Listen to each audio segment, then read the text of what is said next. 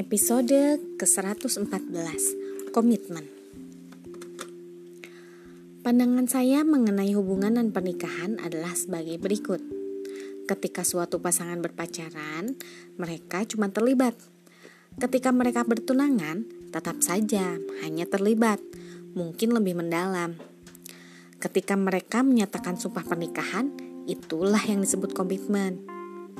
Makna dari upacara pernikahan adalah komitmen selama upacara pernikahan untuk menekankan makna pernikahan dengan cara yang akan diingat seumur hidup, saya menjelaskan bahwa perbedaan antara keterlibatan dan komitmen sama dengan perbedaan antara telur dengan bacon atau daging babi asap. Pada saat inilah para ipar dan teman-teman mempelai mulai memberikan perhatiannya.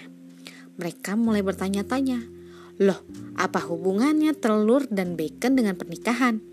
Saya melanjutkan, dengan telur si ayam cuma terlibat saja, sedangkan dengan bacon si babi berkomitmen penuh. Semoga pernikahan ini menjadi sebuah pernikahan babi. Sekian, terima kasih telah mendengarkan. Selamat malam.